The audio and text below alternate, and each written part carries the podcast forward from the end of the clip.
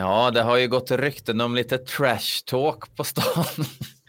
Så att nu, ja, det är väl lika bra att ge sig till känna. För eh, klockan har ringt, rasten är slut. Vi sitter vid bänkarna. Eh, som vanligt så är det jag och Heidenhammer som eh, håller i pekpinnen. Eh, och så har vi en gäst med oss igen. Eh, han tog en paus förra gången och kommer tillbaks idag igen. Carl Linnaeus, välkommen! Jo, men tackar, tackar. Vi är otroligt glada att ha dig med igen här trots att du visade lite, lite tvekan åt att prata om just den här skivan, vilket jag inte kan förstå. Men inga händelser i förväg som vanligt. Jag är mest upprörd över att eh, ni inte hörde av er tidigare när det var på 70-talsplattorna som eh, jag då kan vända andetag på. Så att, eh, ja, istället ska jag få prata om den plattan som jag kanske har minst relation till i hela diskografin. Mm. Men eh, ändå.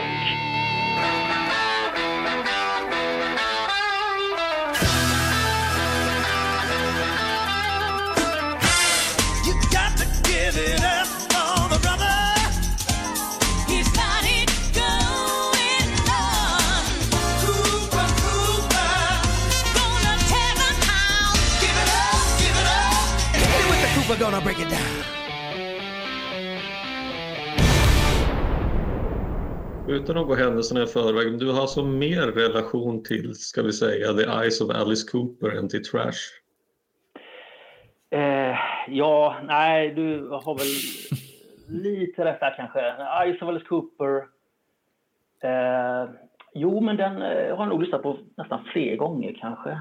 För den kom ju där i en sån period i mitt liv. Men eh, Ja, Dirty Diamonds uh, har jag nog lyssnat på ungefär lika många gånger som Trash då. Men just Ice Hollis Cooper uh, kommer jag ihåg, den snurrade flitigt i jag körde taxi på den tiden. Då brukade jag lyssna på den mellan kunderna.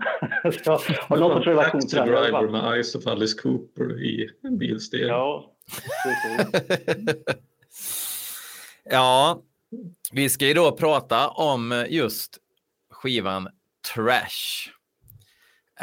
Um, där eh, Alice Cooper ju går ifrån heavy metal till, eh, ja, vad ska man säga? Det är någon sorts eh, kukig glamrock liksom som, som vi, vi hamnar i här. Vi trillar ner i det som var kanske hetast då, men äv, alltså även på väg ut väl jag vet inte fan, var det verkligen på väg ut, alltså 89 när det här landade? Alltså det var väl, stod inte det här ganska mycket i Zenit fortfarande? Alltså kanske en snabb solnedgång i och för sig när det väl hade börjat rulla, men, men vid den här tidpunkten så var det väl fortfarande rätt hett. Väl? Jag tänker Guns N' Roses var väl en motreaktion mot, mot det allra mest glammiga, att de blev lite hårdare, lite jävligare eh, lite tuffare och sådär. Ja, ja. den plattan eh, slog ju inte stort förrän eh, ett år senare, 88. Och jag tror att den började jobba på Trash eh, 88, mot slutet av 88 kanske i alla fall. Så jag tror inte att den riktigt hade hängt med där, även om då Alice hade gjort Under My Wheels och så med Guns N' Roses eh, och så vidare. Eh, mm. Och sedan skulle han vara med på User Illusion också. Men, eh, nej, men jag håller nog med eh, Mr Heidenhammer där att eh, den stod nog fortfarande i den stod nog i Zenit och sen så gick solen fort ner efter det. Just mm. sommar 89 var ju det här, den, den kom i rätt tid kan man säga. Mm. Har vi något, eh, nu ska vi se, jag vill kolla, tjuvkolla datum för den här. Så ja, mitt i sommaren, 25 eh, juli 1989 släpps den här skivan. Och det var väl en ganska god tidpunkt för den kan jag ju tänka. Det blev ju lite sommarplåga på, på en gång, vad jag förstår. Och eh, Desmond Child har ju varit med och skrivit samtliga låtar va? Nej, alla utom en faktiskt. All, ja, just det. Alla utom en. Eh, nu ska vi inte gå händelserna i förväg, men givetvis är det så att alla utom en har han varit med och skrivit. Så det var väl honom ska vi ha känslan som eh, Alice hade vid den här tiden. Att eh, vi måste, eh, vi som i ja, entouraget måste ha Desmond Child. eh, som spottar ur sig hits. Det hade han ju gjort tidigare ja, med många. Ja, verkligen. Eh, det hade ju, han hade ju fått sin comeback där, Alice, med eh, sin återgång till skräckkrocken då med Constrictor och Raise Your Fist and Yell. Men de hade inte sålt eh, i de upplagorna som de hade hoppats på. Och det hade inte genererat några riktiga hits i ordets rätta bemärkelse som han eh, ju var på jakt efter. Han var ju lite bortskämd med det under 70-talet med alla Housewife ballads och sådär. Eh, så de bröt ju med både skivbolaget och eh, låtskrivarpartnern Ken Roberts. Ehm, och eh, spelade sina kort väldigt säkert och väl och fick ju den här eh, dealen med Epic Records då. Yeah. They gave me an unlimited budget and a no That's time good. limit. Which is perfect. I the got two to use things musicians never Absolutely. get. Absolutely. After it's my 20th album and they finally said you can have anything you want. I said great. Ja, de gav ju honom fria händer att välja vem han vill jobba med och Desmond Child var ju hetare än, än potatis på den tiden. Mm. Eh, mm. Så att, eh, ja, och det slog ju väl ut kan man ju lugnt säga utan Trash så vet det fan om... Eh, ja, då hade han väl åkt runt på de här föredetting-ställena och eh, spelat för... Eh, ja, ingen, ingen, ny publik i alla fall. Eh, lite så. Mycket, med, så att, mycket Stena Line förmodligen hade det varit. Ja, precis. Exakt. med Quiet Riot, nuvarande uppsättning. Till exempel. Men jag, men jag tänker att det, det är ett här, man är ju så van vid att trash finns och, och låtarna på den och, och sådär och hur den låter. Men jag tänker att det är ju ett, alltså är det inte ett ganska jävla märkligt kort för det här nya skivbolaget som man lägger på, alltså Epic, att, att satsa på? Alltså för, för det är ju ändå en, en gammal artist som alltså hållit på i redan 20 år och räknas väl lite som en dinosaurie och de ger honom ändå så pass mycket uppbackning och resurser att han får Desmond Child eh, att, att, att jobba med. Är det, var det helt och hållet på grund av att Aerosmith lyckades få någon slags eh, vitamininjektion med nämnda låtskrivare? Eh, ja, nej men det var ju en ENR på Epic som hette Bob Pfeiffer som senare fick en större roll på Hey Stupid. Han, hans mamma var bästis med Shep Gordon och eh, därav eh, lite grann att eh, jo, vi ska nog eh, satsa på Alice. Eh, och jag tror att Desmond Childs manager var gift med, eller hennes kusin var gift med Bob Pfeiffer, eller var sånt där liksom. Så det, det, är ju alltid så här lite, eh, vad ska man säga, en inre krets där som eh, tycker att eh, vi ska ju kunna jobba ihop.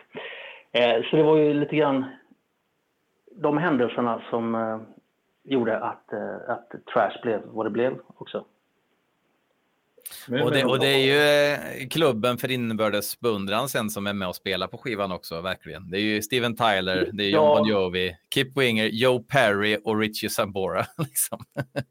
Alla de här hade ju enorm respekt för Alice och även Desmond Child. Desmond såg ju Alice 72 i Florida Schools och var ett gammalt fan och eh, tyckte att eh, Alice, eh, ja, så Alice har influerat så väldigt många låtsmakare och musiker. Och han är god vän med alla, han har aldrig pratat skit om någon, så att han är bästis med alla i branschen. Mm. Eh, så att, det var, jag, tror, jag tror inte det var några konstigheter att folk ville liksom jobba med honom. Eh, för att han hade gjort en, en, en, en hyfsad comeback så att det fanns mer där att hämta, märkte ju folk. Sen har vi ju en, en annan poddfavorit, Steve Lukather är med också och solar lite. Och sen även Kane Roberts hoppar ju in eh, och gästar den här gången. Det var väl för att kanske kasta honom ett ben efter att bli dumpad rätt hårt gissar jag då. Rena killgissningar. Ja, han var, även med och skrev, eh, nej det var han inte, men eh, nej, han fick hoppa in på Beronells där, ja precis. Så att det var nog eh, när jag pratade med Ken Roberts så tyckte han att ja, de visste att jag har typ ADHD så de ville ha någon som kunde liksom leverera ett eh, frenetiskt eh, solo i den låten. Så därför ringde de mig tyckte han. Men det är som, som du säger där, eh, kasta ett ben. ja, men du, du lät lite tvekande där, eh, Heided.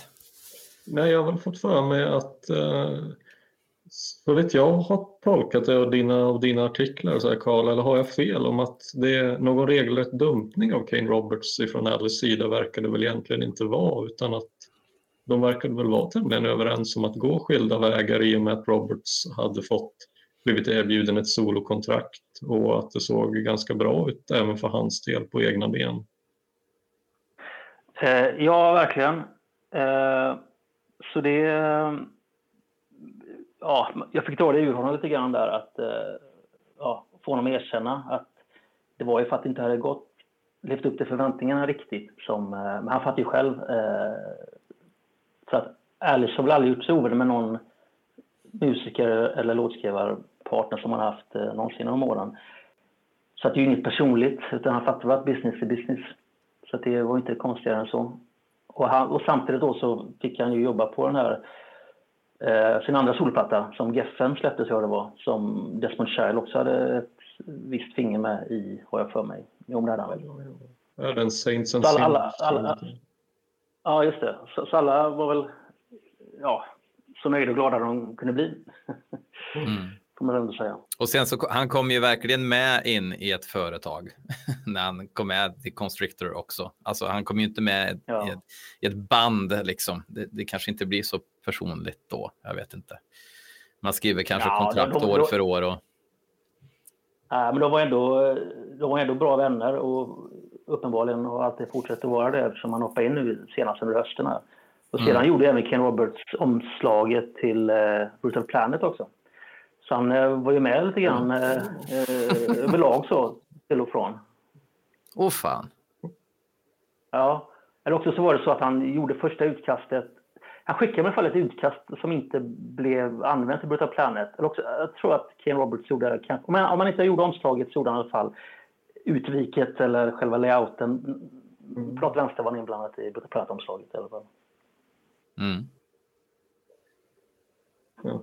Ja, vi har redan varit och nosat lite grann, eh, Karl, men är våran, vår personliga relation till denna skiva. Och, eh, ja, kan du, jag, jag tycker vi lämnar över ordet till dig igen. Kan du fortsätta på det du var inne på? Detta är alltså ingenting, detta är inte en platta som du har någon så här stark, något starkt band till. Ja. Nej, inte direkt, utan den kom ju då 89. Och det gick ju inte att värja sig för Poison, den eh, var ju överallt på tv. Och han var ju verkligen i ropet sådär. Men eh, det här var ju liksom innan jag hade fallit för honom. Så att eh, det var eh, som några goa videos och några goa rocklåtar som man kunde eh, förströs för mig eh, på den tiden. Och sedan när jag då föll för Alice Cooper så var nog Trash den plattan som jag införskaffade sist, tror jag. Eh, och det har väl sina orsaker, tänker jag. att jag eh, känner fortfarande, när jag lyssnar på den, att det här är ingen Alice Cooper-platta, det är ju en Desmond Child-platta. Så att Alice Coopers karaktär lyser inte igenom i, i låtarna, eh, i alla fall ja, överlag. Eh, jag tycker Hayes upp är ju ändå, kan man se, var en systerplatta, men där kom ändå karaktären av Cooper fram mer. Här är det ju i väldigt stor utsträckning eh, en Desmond Child-platta och jag menar, man hade ju lätt kunnat tänka sig Joan Jett göra House of Fire och Don Jovi göra andra låtar och Kiss göra andra låtar och Aerosmith göra andra låtar på plattan. Så att eh, det är ju svinbra låtar såklart.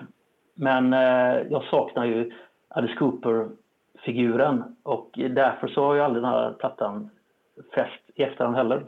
Eh, mm. Så min relation är, ja, nej, jag, jag, jag, köpte den inte när den kom och som sagt, jag köpte den sist i katalogen när jag började samla på mig Alice-plattor. Så att, eh, ja, den finns där, men inte mer än så känner väl igen relationen en del. Alltså, för mig, det här är ju alltså möjligtvis det första jag, nej, inte det första jag hörde, jag, alltså, men det första som jag liksom bar med mig av Alice Cooper. Just att Poison hörde man ju hela tiden. Det var ju trackslistan och det var ju lite för tidigt för att se den speciellt mycket på tv, men det var väl kanske söndagsöppet eller någonting man fick se den någon gång.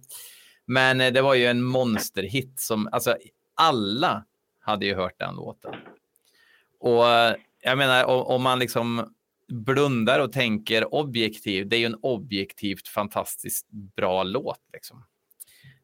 Um, och, um, men det är också en sån här skiva som, som jag aldrig har tagit riktigt på allvar. Um, utan snarare kanske med åren hittat mer kvalitet i. Men jag såg ju det verkligen som en Alice Cooper ska spela glamrockskiva. Jag har ett starkt minne av att att det var eh, att jag satt hemma hos eh, en kompis, eh, Henrik Kigren. Hej Henrik! I hans pojkrum liksom. Och, och han drog på, vi var ett gäng liksom, och han drog på House of Fire. Och vi började skratta liksom. Och, och, och lufttrummar och tycker det är bra men också lite roligt för att det är liksom inte, det är inte riktigt på riktigt. Det är liksom inte Alice Cooper egentligen. Sådär. Uh, ja, du ser, ser ut att få stroke snart, Henrik. Men, men, um, men, men det, det, var gymnasiebjörn då, kan man säga. Sen vuxna Björn har lyssnat på den eh, och eh, har fortfarande en ganska sval relation till skivan, men jag ska gå in såklart mer på vad jag tycker om dem låt för låt sen då.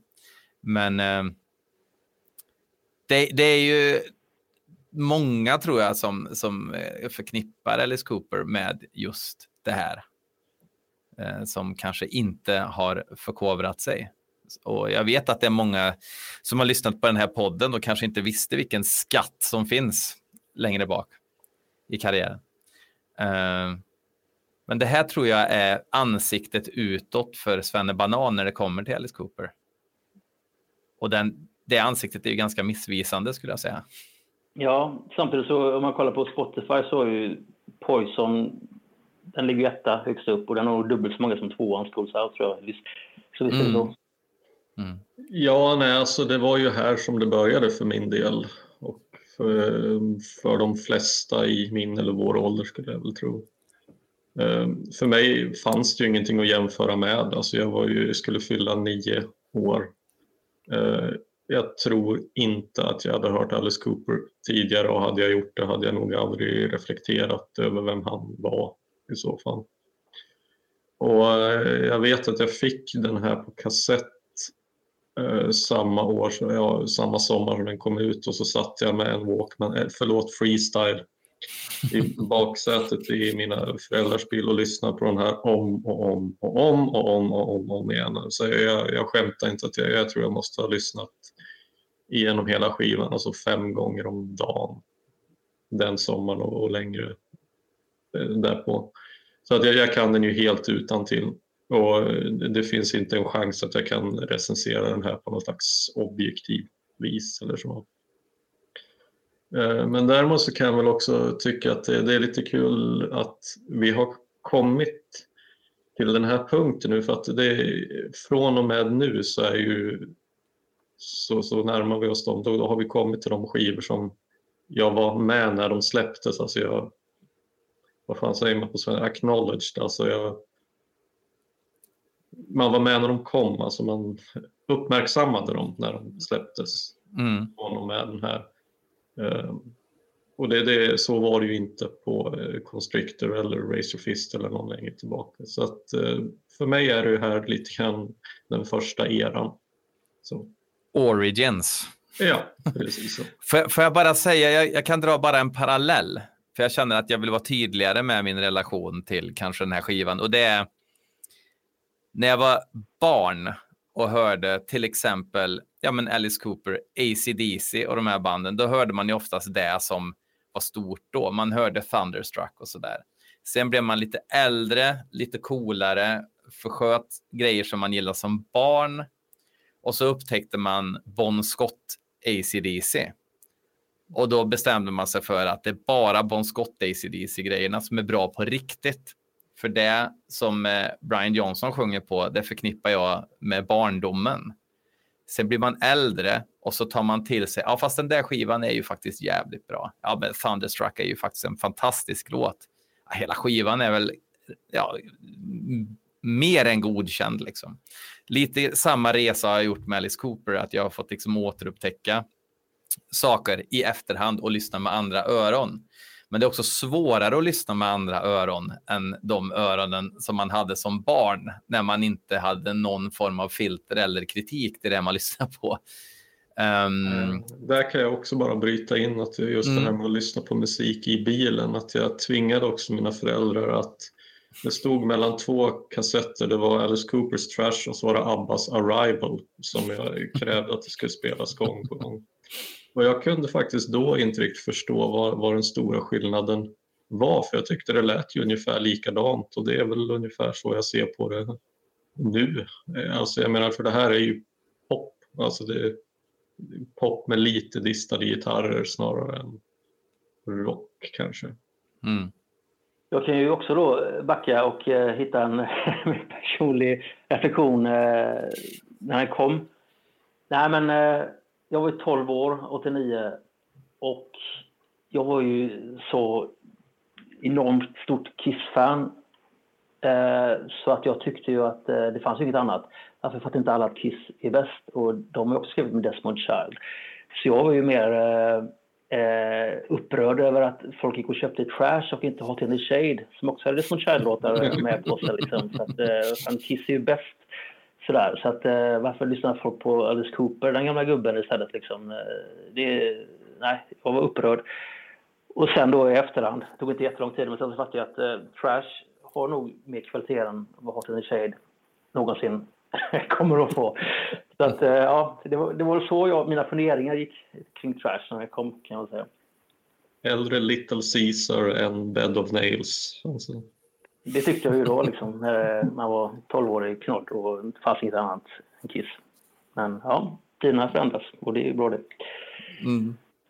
Men rent eh, soundmässigt har vi varit inne på, men ljudmässigt då? Nu, nu börjar det petas in i alla fall lite bas i mixen, alltså basfrekvens. Det är inte riktigt lika platt Uh, Racer Fierce Gel är ju inte lika platt som Constrictor, men den här är lite fylligare ljudbild. Det låter lite, låter lite mer av den här skivan, så sett. Men det är också ganska enkelt att få till med tanke på att det är ju betydligt färre trumslag per minut och uh, mer än enkelt allting egentligen. Allt ifrån låtstrukturer ja. till arrangemang Ja, ni gillar att prata mycket om sound och så. Liksom, jag är inte så eh, nördig när det kommer till sånt. Jag kommer ihåg det från förra gången. Eh, men eh, samtidigt så är det Hugh McDonald som spelar all bas på skivan.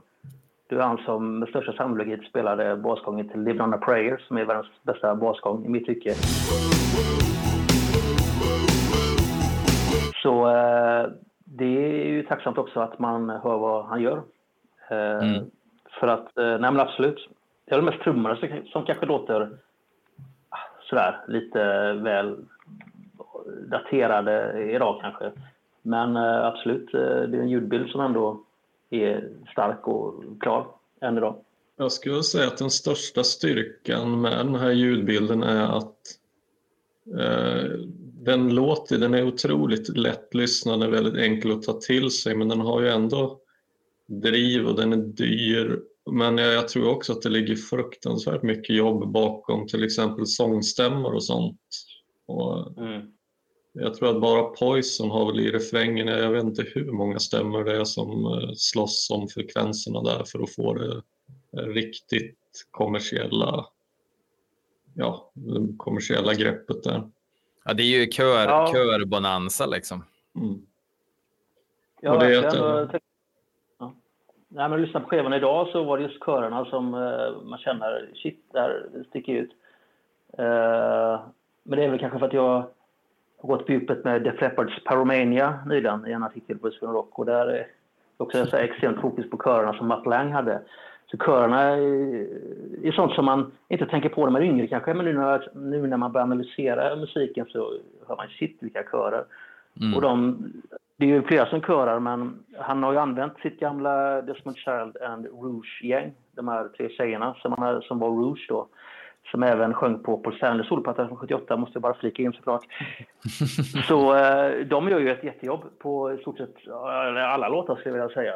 Så eh, det är ju verkligen mycket jobb bakom de här stämmorna och körerna eh, genom hela plattan. Mm. Jag tror att det, det är kanske någonting man inte tänker så mycket på som du säger men det, det kan ju vara en skillnad på ja, men en världshit och någonting helt annat. För det är, jag tänker när du säger mot Lange så är det ju samma med ACDC att det var ju när han kom in i bilden och proddade Highway to Hell. Det är ju första gången som de använder sig av körer i refränger och sådär. Och det var ju ganska lyckat får man väl säga. Jag har aldrig tänkt på. Nej, inte jag heller, men eh, du har säkert rätt. Eh, men kanske inte så mycket stämmor på Highway to Hell, men det var ändå körer kanske? Eller? Nej, stämmer är inte, men, men just eh, körer. att eh, de, de tyckte att det kändes jävligt konstigt att stå och mixtra med. Liksom, att, eh, vadå, är vi är ju, ska ett rockband verkligen pyssla med sånt här? Men resultatet mm. blev ju bra. Det kan ju väl få förneka, tänker jag. Ja, det vore ju tjänstefel. Men jag, jag, jag, själv, jag hade inte tänkt på det förrän jag läste det. Men sen liksom, när man då tänker på det och lyssnar på andra, typ Let There Be Rock och Power Age och High Voltage och ja, de andra. Där, så det, nej, det stämmer och körer, det, det, finns det verkligen inte. Förutom kanske lite call and respond och lite sånt. Men... Ja, men precis. Och sen, sen någon, någon extremt enkel Malcolm eventuellt då kommer ja. in och, och drar något. Men ja, intressant. Men med det sagt, eh, klockan tickar ju så ska vi kasta oss över den låt som vi redan varit och nosat på och som är denna skivas ansikte. Får jag bara, på tal om ansikte så vill jag bara eh, backa bandet lite och kommentera lite på det Carl, det du sa först om karaktären Alice Cooper och det är att han karaktären Alice Cooper lyser ju med sin frånvaro, inte bara i skräck och så, men han har ju faktiskt inte ja, hans ögonsminkning syns på hans t-shirt men de syns ju inte på honom. Och det är ju på, jag tror i videon till Poison så har han väl inte sin ögonsminkning.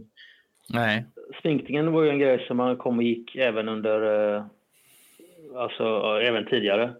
Kolla på avslaget till Welcome to Nightmare och uh, Goes to Hell till exempel och även då Blackout Albums eh, så körde de inte sminket heller. Så... Eh, Fair enough. Ja.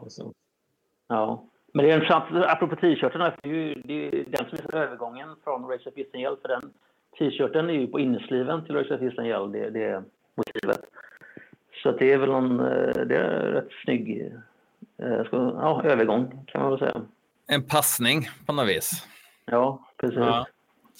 Alltså Poison är ju, det är ju typ en ballad. Eller vad fan är det? Eller? eh, ja, Man brukar ju öppna skivor med en rökare liksom. Um, ja, det, det, det, det, är inte, det är inte många BPM kanske. Nej. Ehm, så kan man säga. Men eh, det vore ju konstigt att inte öppna med, med Poison ändå. Eh, får vi säga. Så att, eh, ja, jag, jag ser inte, inte som en ballad direkt, men eh, ja. Intressant. Det är ju någonting jag lärde mig för, eh, först för inte alls så länge sedan, det är att intro-riffet eller huvudriffet i låten har ju, det är ju en återanvändning. Att det skrevs av en herre vid namn John McCurry och användes i en låt som hette... Fan, måste. En Circle,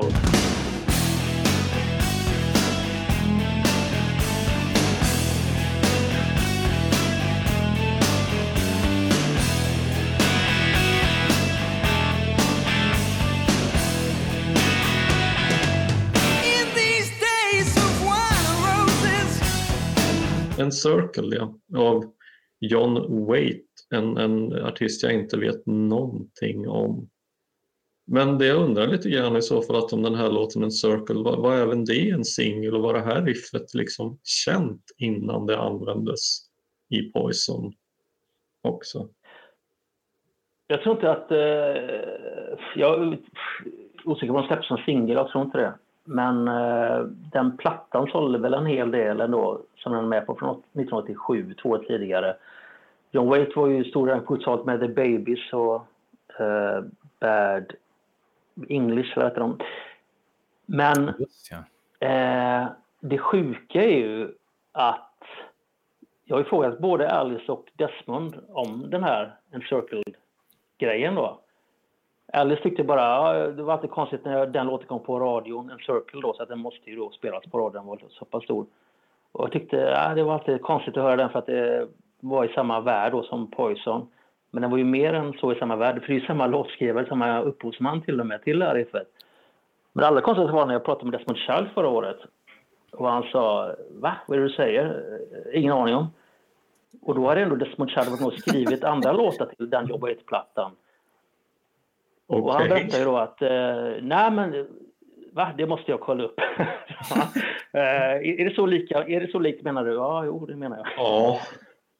och eh, så som han mindes det då var ju att de satt i uh, studion tror jag, Bearswood-studion eller vad det nu var i New York. Och, uh, och jobbade på riffet tillsammans, Desmond och John. Och John ett riff och Desmond liksom, ja, så här, ungefär så här, ja men precis så. Men då hade väl John McCurry bara rehashed sina gamla idéer utan att Desmond visste om det.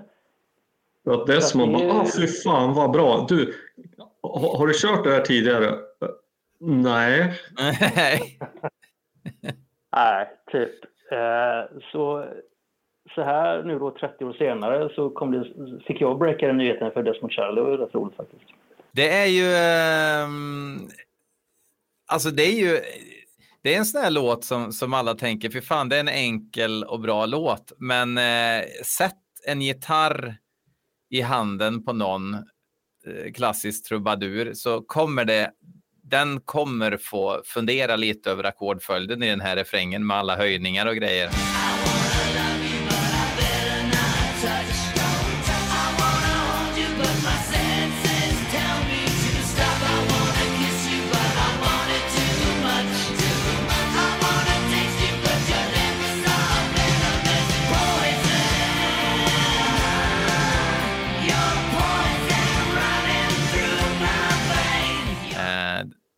Ganska spännande arrangemang på den här låten.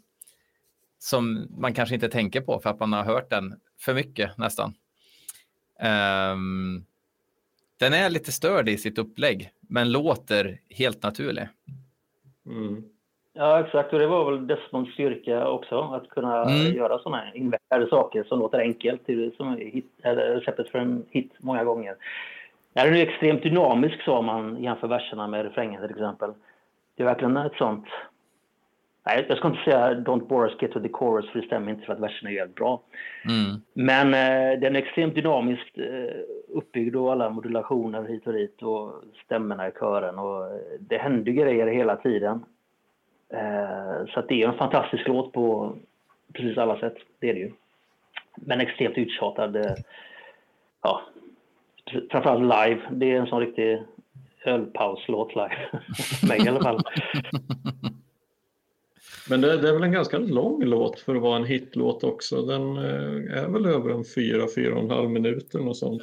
4.29. Ja, men något sånt. Men det är så coolt också att öppna plattan med den här låten och eh, ändå våga gå från de givna normerna som det ändå fanns för en hitlåt. Mm. Så eh, jag tycker ju på något sätt så är det väl kanske lite klassiskt Alice Cooper att eh, göra något oväntat ändå, tänka lite grann utanför normen. Men som sagt, som så tidigare, det hade inte gått att öppna den här plattan med någon annan låt heller, å andra sidan. Ja, um, alltså det var väl på 90-talet som det här, kanske till och med ja, mitten av 90-talet, som det 303 blev gyllene för alla låtskrivare, liksom att en låt ska vara 303. För då hinner folk inte tröttna på låten och man får betalt per minut i STIM. Så att då ska man gå över en extra minut och göra en låt som är 2.58 är total idioti, för då förlorar man 150 spänn. Mm. Uh, Eh, men 4.29, det, det, det är fan långt alltså. Och till och med med ett litet, in, alltså det är ett genialt litet kort intro med den här tonen som slås an. Liksom det tar väl en nanosekund för folk att känna igen vilken låt det är. Men att ändå ha med det så att säga i en redan ganska lång låt. Och det är alltså, en av Alices största låtar, och, men så är det väl tillika, det är väl den sista riktiga hit som han fick. För det är väl ingen annan låt egentligen som har slagit lika hårt efter denna. Inte lika hårt. Uh, men... Nej, det är ingen låt som har slagit lika hårt. Men jag vet inte om man kan kalla uh, Hey Stupid för en hit eller inte. Jag har inte listbaseringen framför mig så, men uh, Eh, ja. Jag det, tänker att Hey Stupid gick säkert bra, men inte, det är ju inte samma grej. Liksom. Nej. Ja, nej, men jag, menar vad man kan kalla för en hit. Liksom. Ja, tänker jag att den måste komma på topp 40 på Billboard-listans singellista. Om det ska vara en regelrätt hit i alla fall. Och jag har inte koll på vad Hey Stupid baserade sig, om den gjorde det eller inte. Uh, men ja. Mm. Men det där keyboard-introt, anslaget i början. Jag tycker att det påminner, alltså det är väldigt likt uh, Eh, återigen en Kiss-referens såklart, men det fanns ett band som heter Balance med Bob Kulick. De har en låt som heter In for the count.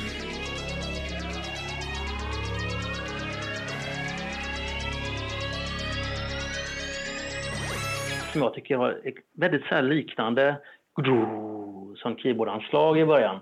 Så det kanske var något som fanns i någon sån här Casio-synt eh, på 80-talet, jag vet inte. Eh, mm. Som var lätt att ta fram men jag men, tänker att jag, jag tänkt på Jaha, okej. Okay. Jag tror att det är en gitarr. Är det inte det? Nej, jag tror det är en synt också. det, det, det, kan vara, det, kan, det kan vara någon sequensad gitarr och synt och allting. Det är inte bara en gitarr i alla fall, för du har ju nej. en... Eh, nej, nej de, de har ju mixat ner det lite grann. Eh, sådär. Men jag, varje, varje gång jag hör Info the Count, då, som är Balance eh, kanske mest kända låt, så tänker jag alltid på Poison. Och Info the Count kommer ju eh, åtta år innan Poison. Men det var nog bara en slump, eh, tänker jag. Att det var sånt, sånt sound som fanns där någon gammal synt. Nu är inte jag syntare, så jag vet inte.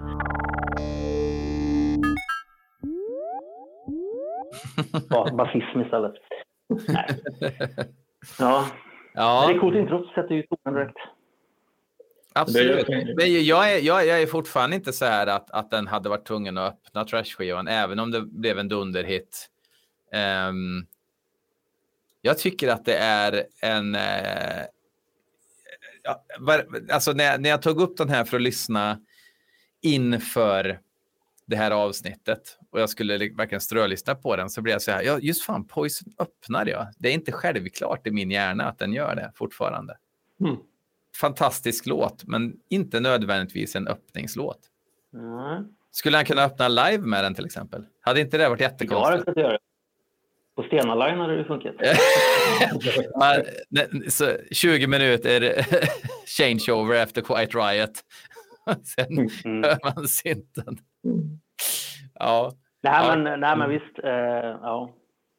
Jag tänker även alltså, textmässigt också, man glömmer med. Jag tycker det är en, jävligt, det är en väldigt enkel men, men bra skriven text. Jag tänker här på slutet av 80-talet så det, jag vet att det var många bland mina kompisar som undrade om den handlade om aids och det kan det ju såklart göra eller om det är otrohet eller för att kliva på en relation man bara vet kommer vara som att ta plats på en skenande tågolycka waiting to happen.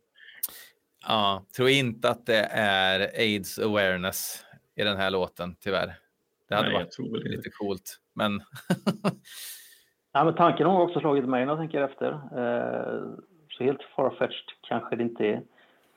Men eh, den har ju lite det har ju lite Alice Cooper i sig eftersom ja, det handlar om gift och det är något farligt och sådär. Eh, så att så sätt, men ändå, ändå väldigt Alice Cooper light eh, när det kommer till skräcktemat kan man väl säga. Jag tycker bara Venomous Poison är ganska rolig. Det är lite som ja. i Eternums The Pestilent Plague. Ja. ja. Deadly Death. Necrodeath är ett bra band. Spark ja. in the dark.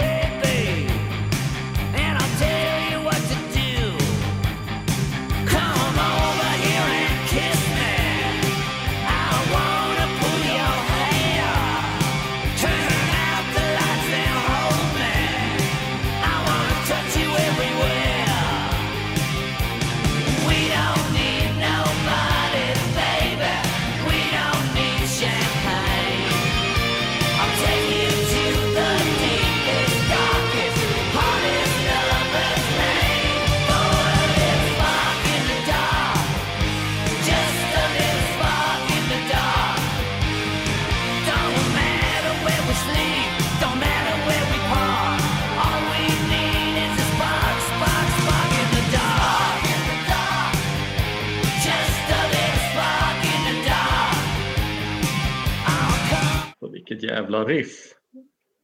Alltså simpel men jävlar vad bra alltså. Ja, ja men okej. Okay. Alltså, ja. alltså, det här är ju inte en skiva som eh, belyser problematiken i eh, att inte ha samtycke. Det, det, det, jag har tänkt ganska mycket på att det här är ju eh, metoo-tema rakt igenom. Ja, så det är när skräcktemat är ersatt av en 41-årig gubbes knulltexter. Ja, det är inte vackert alltså. Och det är alltid så här liksom att bara, ja ah, men eh, vi, vi, behöver inga instruktioner baby och vi ska ha massa friktion och gött. Och förresten så ska han alltid dra in mamma och pappa också. Alltså så många gånger i det här. Bara befästa att morsan och farsan gillar inte det här. Alltså det är sjukt gubbsjukt alltså. Red skin me to the bone. Mm. Don't write it in your diary. ja, jo, verkligen. Men det är ju därför han inte framför, framför den längre också. Uh, och det är synd för att det är en grym låt. Alltså, de tre första låtarna på den här A-sidan är ju klockrena uh, faktiskt. Men han skrev ju det i, i sin bok Golf Monster att han inte är bekväm att framföra låtar från den här plattan, framförallt då Spark in the Dark. Och det kan man ju då fatta när man läser den. Men han utvecklade aldrig i sin bok så jag kände att jag måste fråga honom ändå. Eh, mm. Varför? Eh, ja, kanske inte bekvämt. Jag tycker och då var det ju som, som du var inne på. Nej, alltså, boken är ju så jävla dålig. Jag försökte låna ut den till Björn, ja. men han, han vill inte ens ta emot den. Nej, jag har inte tid att läsa bra böcker i mitt liv just nu, så att jag, jag, kan liksom inte ta en bok som du redan har pratat ner så hårt. Eh, nej, men, eh, ja, nej, men så att eh, det, det är därför han inte framför den eh, längre, för att eh, det känns det, det känns redan här, kanske ännu mer i I'm your gun, men vi kommer väl lite senare att mm. det här mm. känns inte alldeles uppe. Den blir så att, att humorn är borta. Satiren finns inte längre. Mm. Om man jämför med Muscle of Love som också är en platta som handlar om eh, temat sex så var ju den plattan gjord med glimten i ögat. Det fanns mm. en, en, humor, en, en, den här Alice Cooper-glimten och den är ju helt väck på trash. Utan det är ju bara dåtidens knulltexter, eh, bland annat med Desmond Childs besatthet av sex. För det sa ju till mig också att... Jag frågade om det var, hur, hur de gick tillväga när de... Som, om de gick in med inställningen att göra en platta om just sex, eftersom trash är ju det. Mm. Och det var ju dels i mitt tycke för att hänga med i tidens anda, Sunset Strip och alla de här pudrockbanden. Allting handlar om sex. Eh, men då, Desmond sa ju att han hade alltid sett han hade alltid sett Alice som något sexuellt, eh, även för när det var skräck då. Han såg det som en, så här, vampyraktigt. Och vampyrer var alltid sexiga tyckte han då jämfört då med till exempel Frank Monster. Så för honom var det helt naturligt att göra en eh, knullplatta med Alice då. Mm. och så som Desmond sa till mig att eh, jag tänker ju på sex dygnet runt så det är inte så konstigt att hans låtar handlar om det då. Uh, fair enough. Men som sagt, det, det blir bara konstigt att höra då Alice Cooper göra det här totalt utan ironi och utan satir och utan glimten i ögat. Men en bra mm. låt.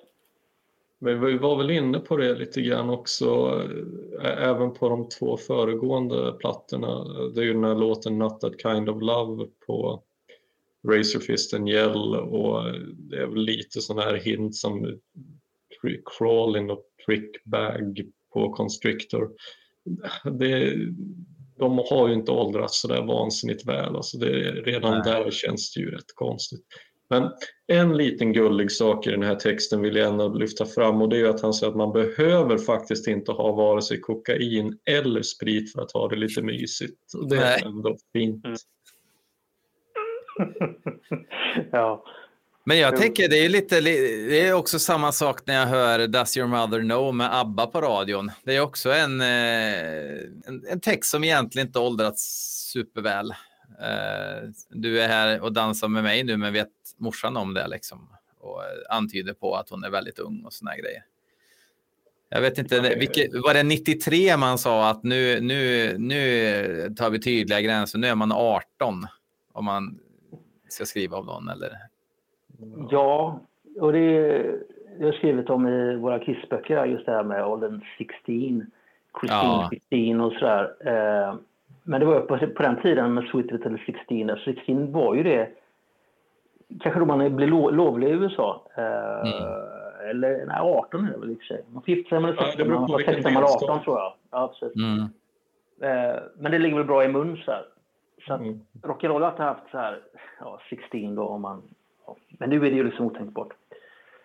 Ja, jag såg, eh, det var ju någon talkshow där eh, då var det Gene och Paul från Kiss då för alla lyssnare som inte hänger med eh, som var intervjuad, den här talkshow-host och han bara Paul skulle bara, man har ju någon sån här eh, re, rehearsed anekdot liksom som man ska dra i soffan där och han pratar om att de var på en hotellrum liksom och att det var någon pappa som hade som hade stått och bankat utanför och skulle ha ihjäl honom för hon var ju bara 14 och hela publiken brister ut i skratt som att det är det mest dråpliga de har hört i hela sitt liv. Och man bara sitter där idag och bara börjar svettas liksom.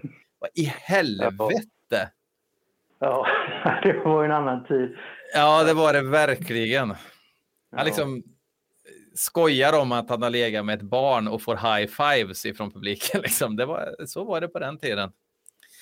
Ja. ja. ja kanske bra att vi lämnat den bakom oss. Ja, eventuellt. Eventuellt. Sen vill jag också bara slå slag i den här låten för tonartshöjningen. Jävlar vad bra det är. Ja, sista refrängen. Jag tror den går från ett solo tror jag, rätt in i en tonartshöjning. Mm. Sista refrängen. Och det är, ja, den är, den är snygg. Eh, kan, kan det vara Spark in the Dark som helt enkelt skapade Lasse Holm som... Eh, nej, han är ju tidigare. Fan också. Ja, jag, jag, tror det var Lasse, jag, tror, jag tror det var Lasse Holm som skapade Desmond Child. Ja, så ska det vara också. Eh, och sen också eh, Spark in the Dark, en jävligt bra titel. Jo. Ja.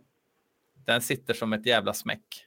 Jag tror faktiskt det var så här att mina föräldrar inte riktigt ville förklara de här texterna för mig när jag frågade dem vad de betydde. Men så tror jag att pappa fick en, en snilleblixt när vi satt i, i vår stuga och hade gjort upp en eld i öppna spisen och det var en gnista. Han sa där, det är en spark in the dark. det var ju rätt smart. Ja. ja. Du tänkte att låten handlar om en lägereld liksom? Det... Ja, jag hade väl, alltså, det är väl eh, rätt svårt att missförstå cocaine och champagne. Jag menar vid nio år så är man ju inte fyra år liksom. Men Ja, det var väl en del eh, grejer i, i, eh, texterna som ändå gick över huvudet på mig och som jag tyckte att jag behövde lite hjälp med att tolka. Men, ja. Nu är de där grejerna ganska uppenbara, men det är ju ganska kul med sånt där när man har älskat något sedan barnsben och så är man typ 26 när man första gången fattar just ja, det är det där den här låten handlar om. Även om man kan hela texten för att man har bara matats in med den som barn. Liksom finns en hel del Guns N' Roses texter som, eh, som jag uppfattar i, långt senare vad de handlar om. Liksom. Bend over, bitch, I got use for you kan man inte misstolka kanske.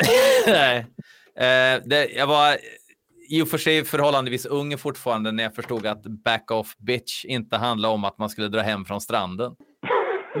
Så att, eh, okay.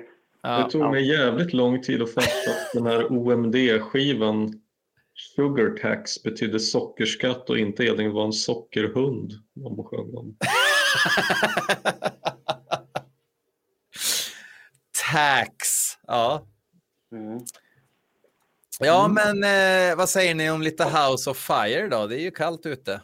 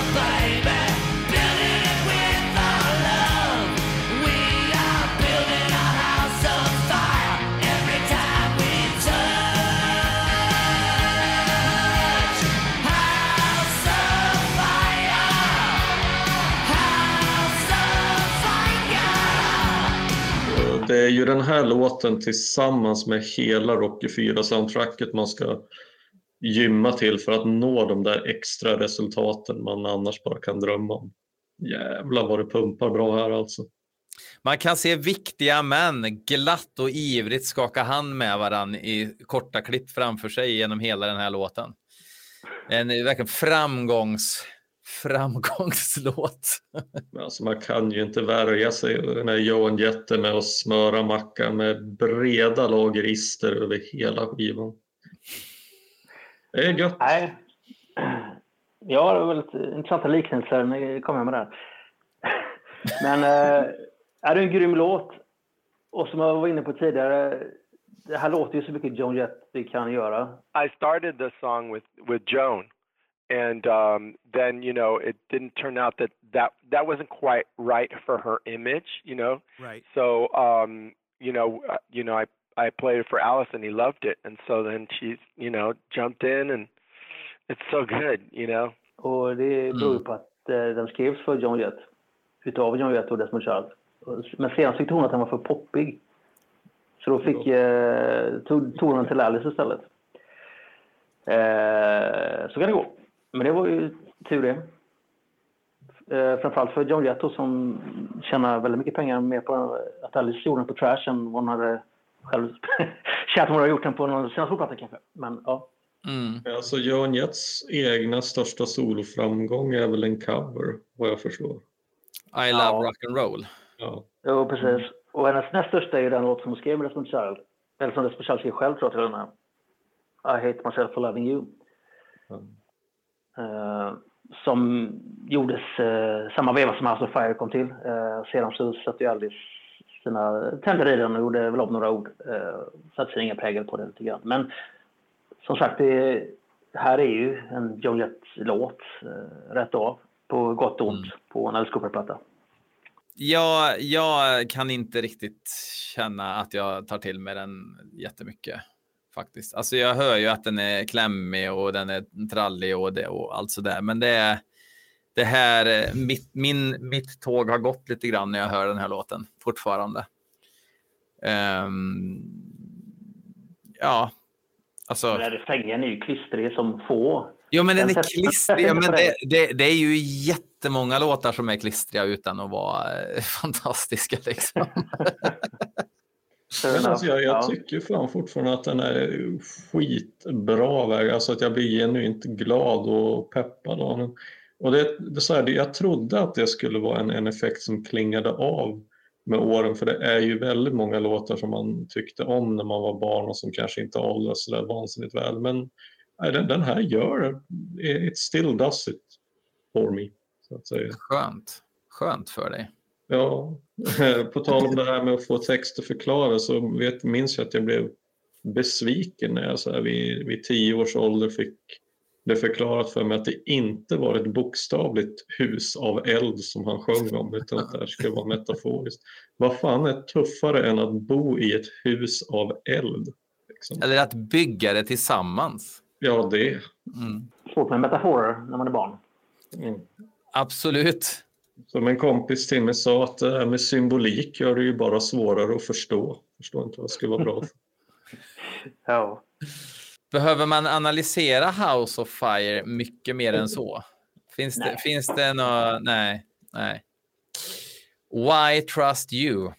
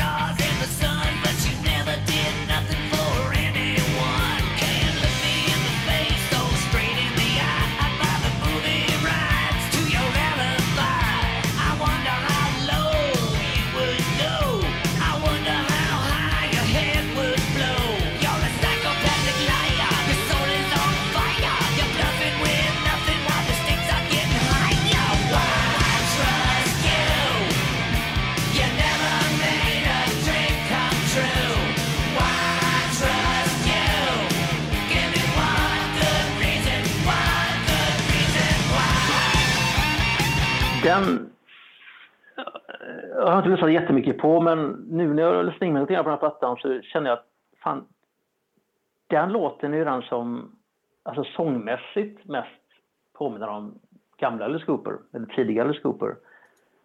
Uh, han har det här The Snarl mm. som mm. jag älskar med Alice. Och den, det är den enda låten på plattan som hans snarl, jag vet inte vad det är på svenska, men när, när det kommer fram sådär, hans snäsande, säger man på mm. svenska. Mm. Eh, och det är väl det som jag tar med mig från den låten. Eh, också en bra popdänga, poprockdänga, men eh, framförallt så är det att shit, här låter ju som gamla Alice eh, på sången igen. Det gillar man ju. Jag kan mm. till och med ta det så långt som att säga att det är ju mer garagerock på den här låten än vad det är Sunset Strip glam. Eh, för det är ju inget riktigt riff i den utan det är ju de här ackorden i början.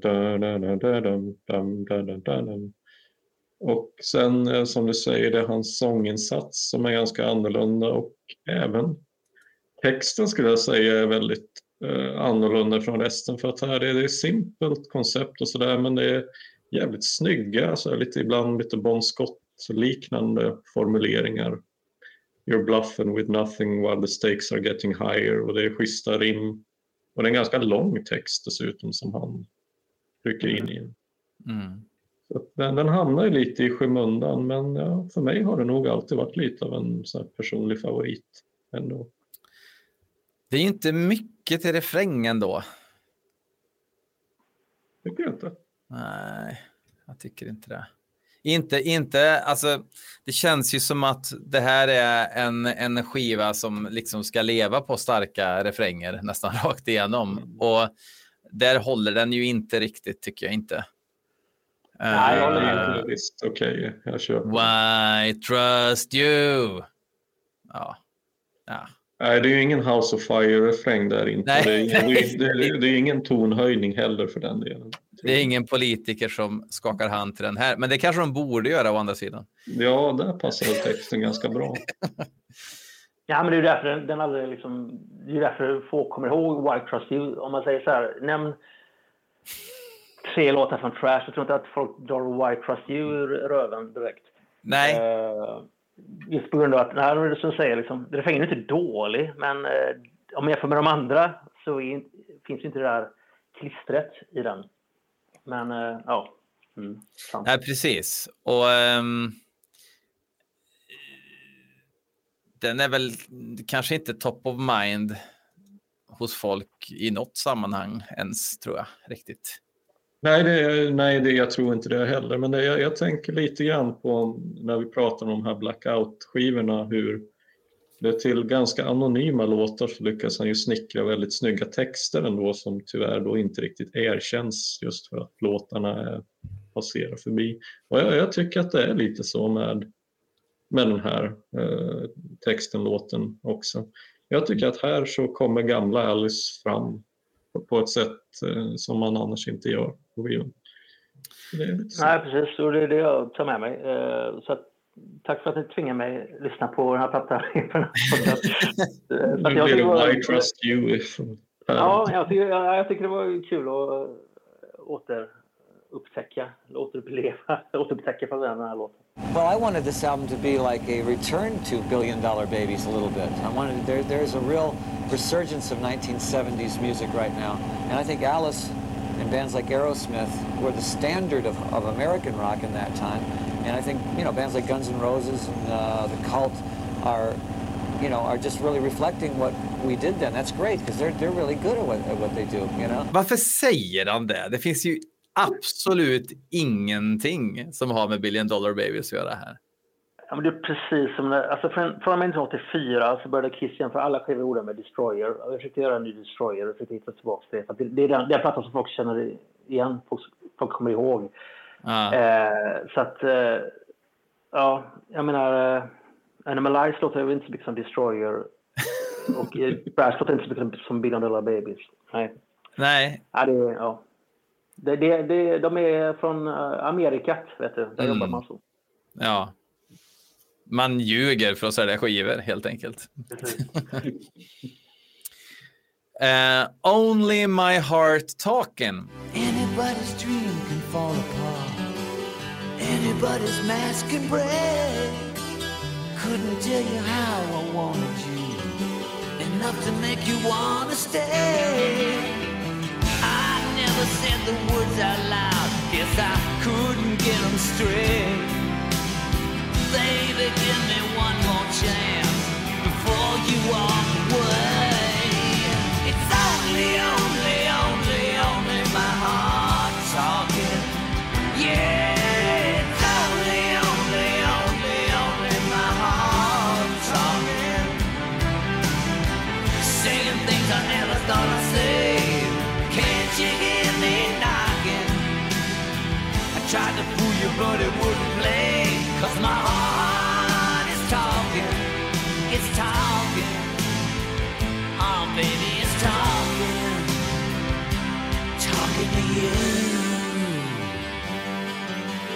Här, ja, absolut. Men det roliga är, här hör jag lite gammal Alice Cooper-sång. När han är mer lågmäld på 70-talet. För den här enda låten på skivan, tror jag, där han inte använder varken snarl eller den här disten vi har pratat om eh, i verserna.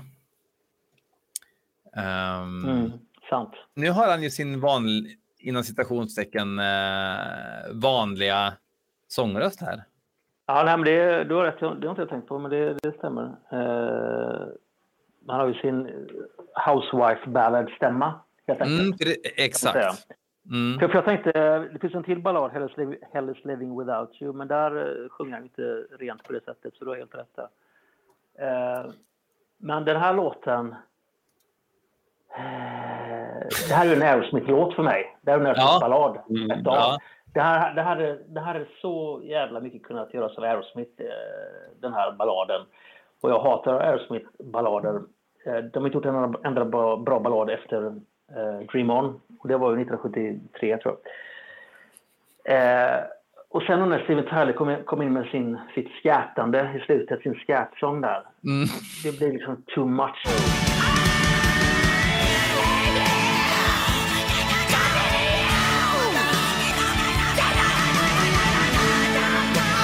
Blir, dels blir det ju Aerosmith väldigt mycket.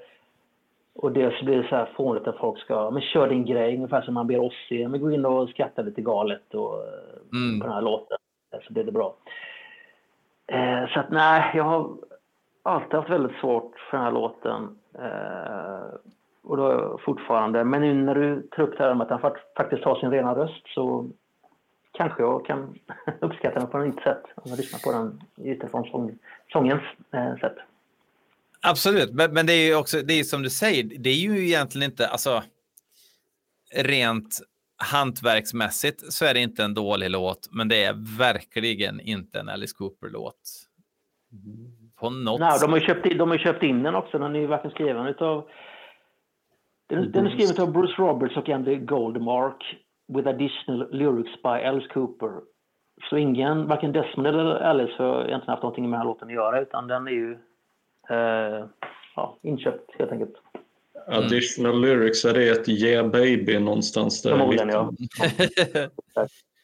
Ja, det låter verkligen som att de har knutit liksom scarfar överallt eh, för att jag, eh, Steven Tyler ska komma in och, och, och göra sin grej. Det, det, jag vet inte, det här är den enda låt på, på skivan jag, bara, jag verkligen aldrig gillat. Alltså, jag, jag fattar att, den, att de försökte kränga den som singel då, då Steven, Steven Tyler är med som en selling point, men fy fan, speciellt bra är ju inte. Nej. Det, det enda jag kan säga är att jag, när jag var liten så tyckte jag att den här låten lät lite som något av en julkalender för att jag tyckte den lät lite som att det snöade utomhus. Så det var ju lite gulligt. Men eh, nej, det här är en skitlåt. Fan, det är inte bra alltså. Eller Skitlåt, det är som du säger, den är väl bra skriven men den har ju inte på skivan att göra. Nej. Ska vi gå vidare då till eh, You give love a bed of nails?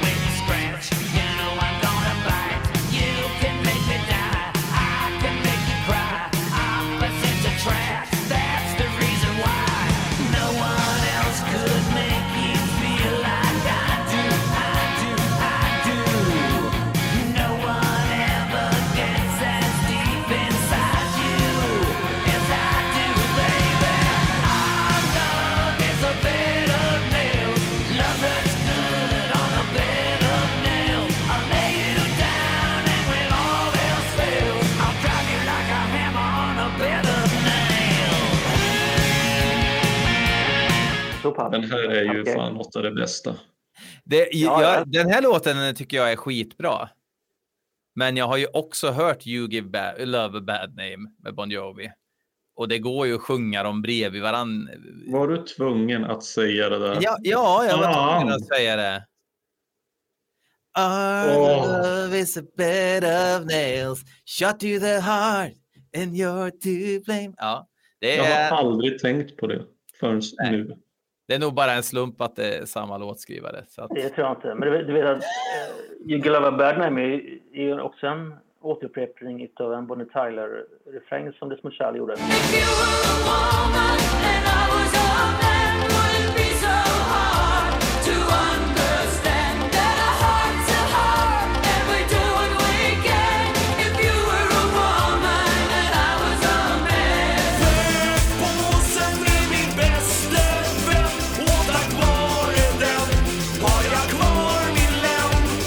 If You Were a Woman and I uh, Was a Man heter den. Just det, så heter den Bonnie Tyler-låten. Som då Desmond Child enligt egen utsago uh, återanvände till You Give Love a Bad Name. Och sedan så, han gjorde så med många låtar. Eh, det finns många låtar som man kan sjunga olika Desmond Child-refränger till en annan sådär. Så att, eh, det är inte helt unikt. Men eh, just Bed of Nails hade inte jag tänkt på, men tack för att du förstörde den. Ja. John Bonnie Jovi kanske de sa då i studion och skratta när han skulle sjunga in den låten. Jag vet inte. Ja. John Bonnie Steve Tyler. Nej, skitsamma. Ehm, men, men ja, det är ju en jättebra låt och det, det är lite kul det här första i versen att de liksom för den öppnar ju ganska mäktigt. Först med en liksom återblick på Poison-riffet där för att förvirra en lite grann och sen så drar de igång och det är fett och sen så kommer första delen av versen som ju är en ganska pruttig historia. Eh, och det är ganska tunt, det händer inte så mycket.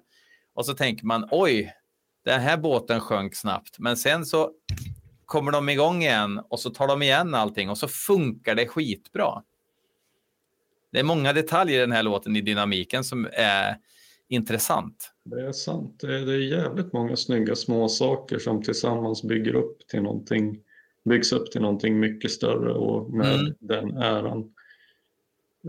Ja, jag, jag tycker nog det här är bästa låten på skivan och det är den som har stått sig bäst genom tiden också. För jag tycker inte ens att den låter daterad. Sen är det lite halvlökig text kan man väl kanske tycka i och för sig. Men, och rimma, vad är det? Drive you like a hammer, baby put me in your slammer. Det är, det är poesi det. Mm.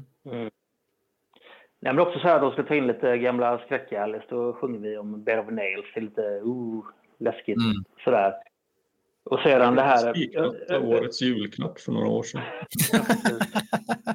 Det här öppningspassagen är ju också så här, där eh, man hör någon citera någonting.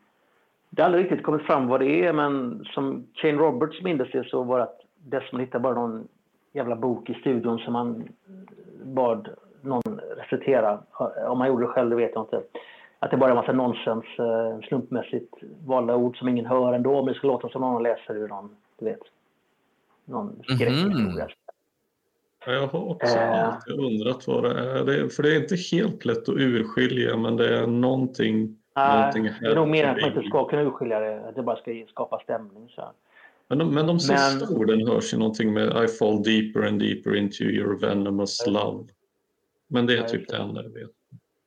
Ja, men en cool grej är ju att det är den här kromatiska ner och uppgången som man tänker då Fantomen på Operan i det här riffet.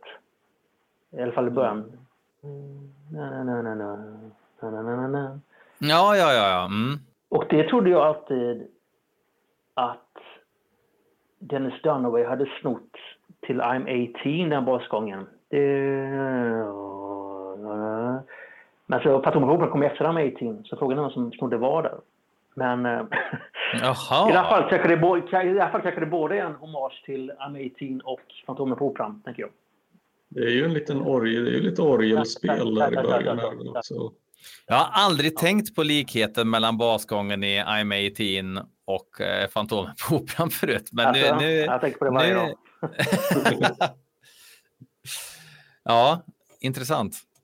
Ehm, ja. men det, är, ju- det, det här är ju en rökare. Och eh, jävla drag på den live också fortfarande. Mm. Au, au, au, au, au. Har han möjlighet att slå Men lite vad, piska där? vad klockan tickar hörni så jag tänker ska vi kasta oss in i Mm. nästa låt på en gång. This Maniacs in Love with You på tal om det här om samtycke och metoo. I used to be, used to be so in control.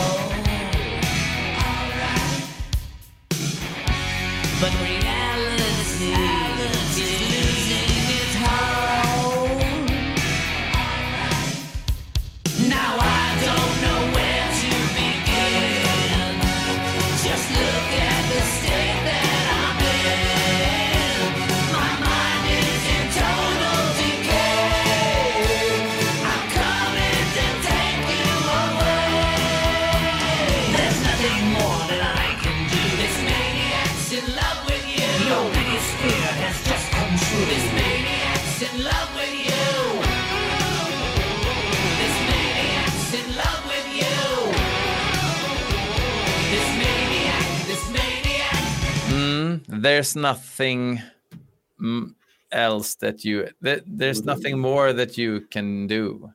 This maniac's in love with you. Det är ju verkligen. Uh,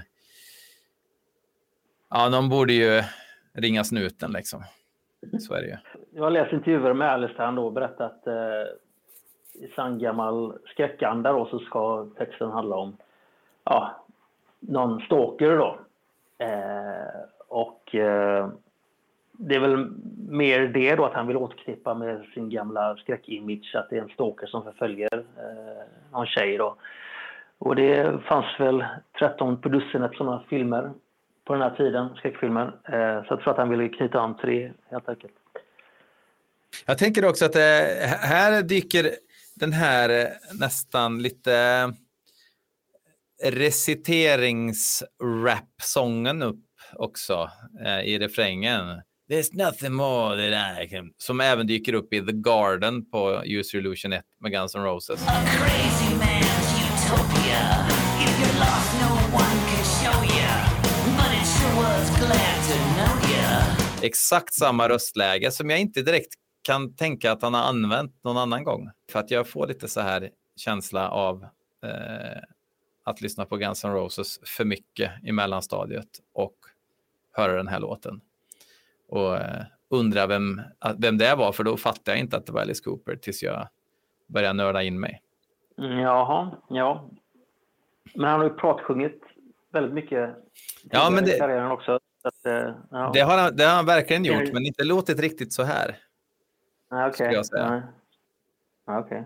Jag minns att jag var, jag var lite förvånad över att den här låten eh, ja, när jag var kanske 12-13 någonting då så fick jag eh, den här eh, videon Trashes the World inspelad åt mig från TV1000 för, del- ja, för er som har Patreon och så här ser den ut i DVD-utgåva.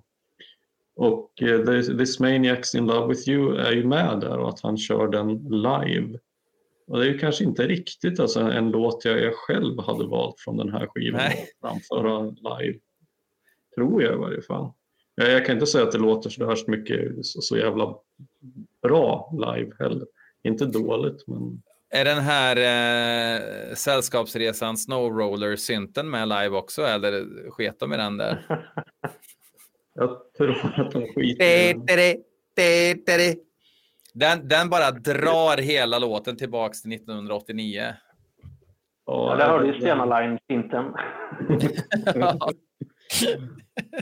Ja, Jesus. Jag vill, bara om, om, vi, om jag bara får nämna några ord om, om just den här Trashes the World så är det ju också lite märkt då att hela den showen och videon är ju, är ju så baserad på att det, det är bara låtar från Trash och sen så är det inte någon låt nyare än från Welcome to my nightmare. Så att det är ju Ja, det, det är som att han verkligen gjorde någon slags återfödsel här. Och, men att, att han då också bara totalt valde att, bortse ifrån Constrictor och Razor Fist and Yell kan jag ju tycka är lite, lite udda i varje fall. Alltså någon rökare därifrån hade väl kanske kunnat få vara med. Men, men det är som att med den här skivan så skiter han verkligen fullständigt i ja, vad- det blir då, 14 år tillbaka i karriären. Mm. Ja, men det var verkligen en ny start. eh, ja. En ny publik som inte behövde utsättas för uh, Gale och uh, Roses on White Lace. Tyckte han väl då, tyvärr. Men alltså, is the World pratade vi om, den VHS Mm. live-konserten. Alltså det var inga, inga Alice Cooper Group-låtar med på den alls. Jo, alltså från 70-talet, eh, alltså mm, det är Billion Dollar Babies och 18 och Desperado, Ja, ja. alltså de här klassikerna. Så de är med, men det tar liksom slut i och med första soloskivan. Så att Welcome to my nightmare-låten är Ja, med du menar så, okej, ja, jag fattar. Ja, Mhm. förlåt, förlåt. Klipp bort den. Eh. Ja. jag fattar. Nej, men så det, och I och med att jag hörde den videon mycket tidigare än, än vad jag hörde de riktiga Alice Cooper bandskivorna från 70-talet så blev det lite konstigt för mig för att jag lärde ju mig att det var ju så här de låtarna skulle, skulle vara. Alltså med glamgitarrer från 89 och 90. Liksom. Snarare än med Dennis Dunaway på bas och Neil Smith på trummor. Ja, det svängde ju inte jättemycket utav de gamla låtarna eh, i det här bandet kan man väl konstatera. Gjorde ju faktiskt inte det. Eh, Bara, bara ett sista ord där om- eftersom jag tänker vi pratar om den videon, vi pratar om Skräck-Alice. Dock är det så att på själva konserten som filmas och showen, det är ju väldigt mycket klassisk gammal Skräck-Alice. Så att eh, på scen så har han ju inte liksom gått in i den här sex-knull-tänket och det ska vi väl tacka gudarna för i och för ja, sig. fan. Han har ju för sig sexiga röd, röda laxbyxor tror jag. Ja, de är schysst. Eh, Men jag tänker att om han vill eh, så att säga komma bort ifrån skräckstämpeln och sådär så det, det vill han väl. Men det är ingenting som direkt märks på scen där utan det är, det ju samma gamla. Fast samtidigt i intervjuerna i den här promoturnén så, eh, så pratar han jätte, fortfarande jättemycket om sin fascination, fa- fascination för skräck. Och väldigt lite om sin fascination för eh, knull. Liksom, alltså, han, prat, han pratar ju inte om att det här är överhuvudtaget är en ny stil eller ett, ett, ett nytt koncept som man har startat. Liksom. Ja, men det vill jag nog påstå att jag har läst i en okej intervju eller en okej artikel. eh, Okej. samma. Att Då är det bara det jag, som, det jag har sett har han inte pratat om det då, men han kanske har gjort det någon gång då. Ja, det var gubbsjukt. Då var det liksom, han var omgiven med tio tjejer i baddräkt och så de som skulle vara som Miss America så var det låttitlarna på en sån här banderoll över. Och så var det Ja, bara i sängen med oss själva. Fy fan vad det... Det känns så jävla konstigt att han skulle tycka att det... Ja. Eh, Det förvånar mig. Men, men. Visst öppnar han med Trash på Trash is the World, va? Det gör han. Och den låter så här.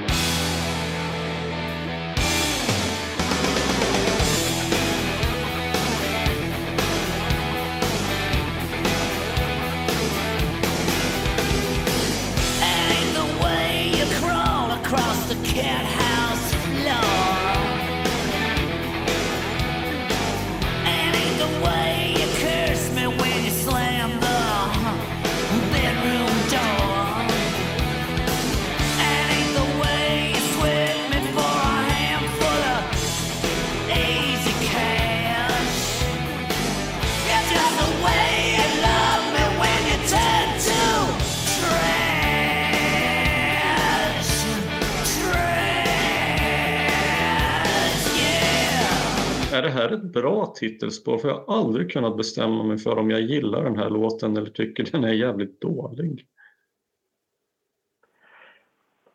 Jag har väl ändrat uppfattningen här lite grann. Eh, från början skulle... Eller arbetstiteln på plattan var ju Low Class eh, Reunion, tror jag. Low Class Reunion. Ja, jag tror det, något sånt. Eh, men sedan så blev det då Trash. Det kanske hade varit konstigt att kalla plattan för Poison eftersom det fanns en annan band som var up and coming som hette så. Ah, det. Men, eh, men Trash som låt, eh, så nu när jag lyssnar på den så känner jag, fan det är ju också så här, precis som man hörde då Aerosmith-balladen innan. Det här hör man, det är ju Aerosmith som spelar, det är ju Joey Kramer på trummor och det går inte att förneka. Och Joe Perry på gitarr och Tom Hamilton är väl också med. Eh, ja, men det här låten är ju den som är mest grisig i soundet. Som är mest garageig, eh, tycker jag. Det här riffet är ju mm. rätt gött ändå. Och det låter eh, rätt eh, smutsigt. Framförallt för att vara på den här plattan. Eh, så att jag har fått en ny eh, sorts ja, uppskattning för, för låten Trash. Just det här riffet och Joey Kramers sväng. Men sen så är ju återigen texten är ju så lökig så det finns ju inte. Och det värsta är ju slutet när John Bon Jovi ska vara med du vet, att libba så här. If, if love was... If my love was a lollipop would you lick it? Eller något sånt där. Med så, right to the Chewy center. Så jag, vad fan? right to the Chewy center, jag förstår inte. Lick Men, det känns som fel. Det känns, ja, exakt. Och det känns som fel allting, liksom. Eh, hela mm. den eh, sexgrejen eh, i det här fallet. Men riffet har växt på mig, eh, vuxit lite grann på mig faktiskt eh, med tiden.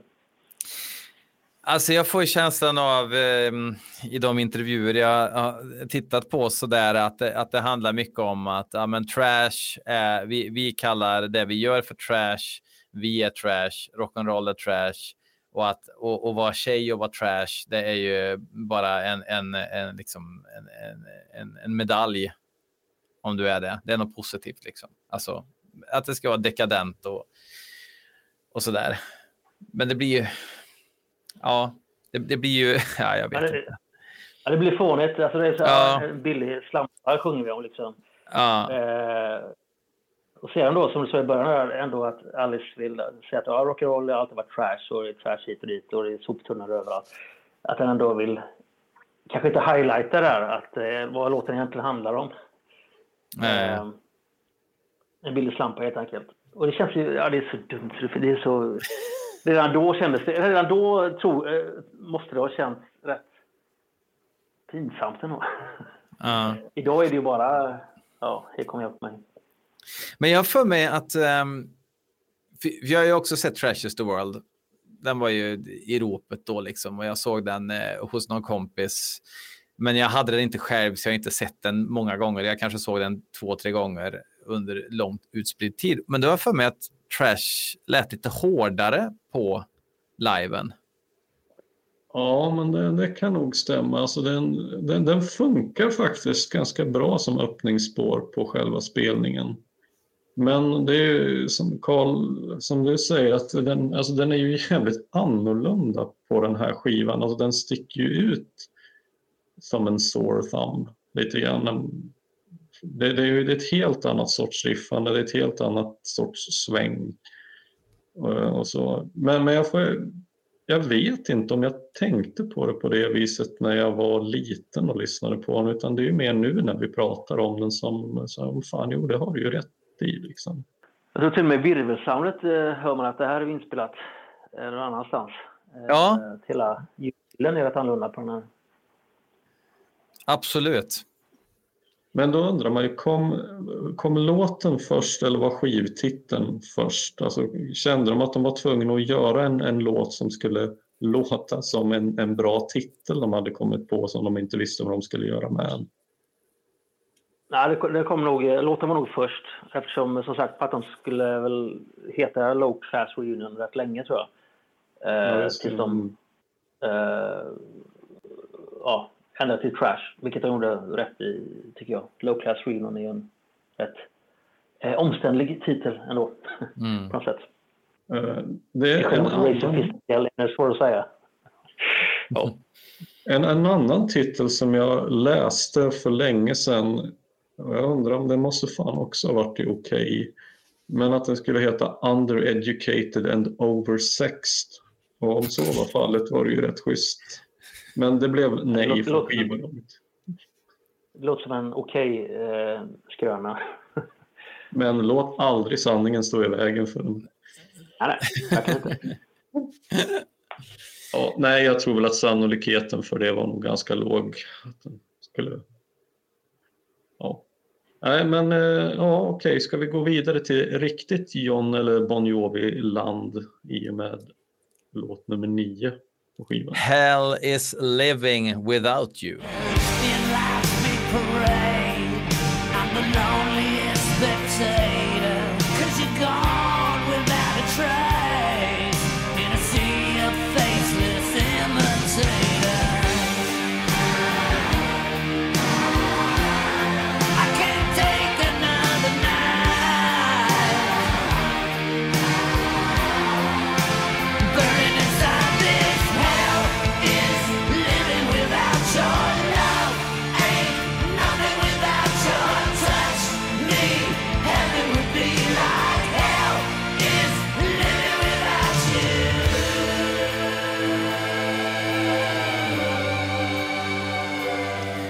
Samma grepp här med en refräng som liksom hoppar i tonart och så där fram och tillbaks.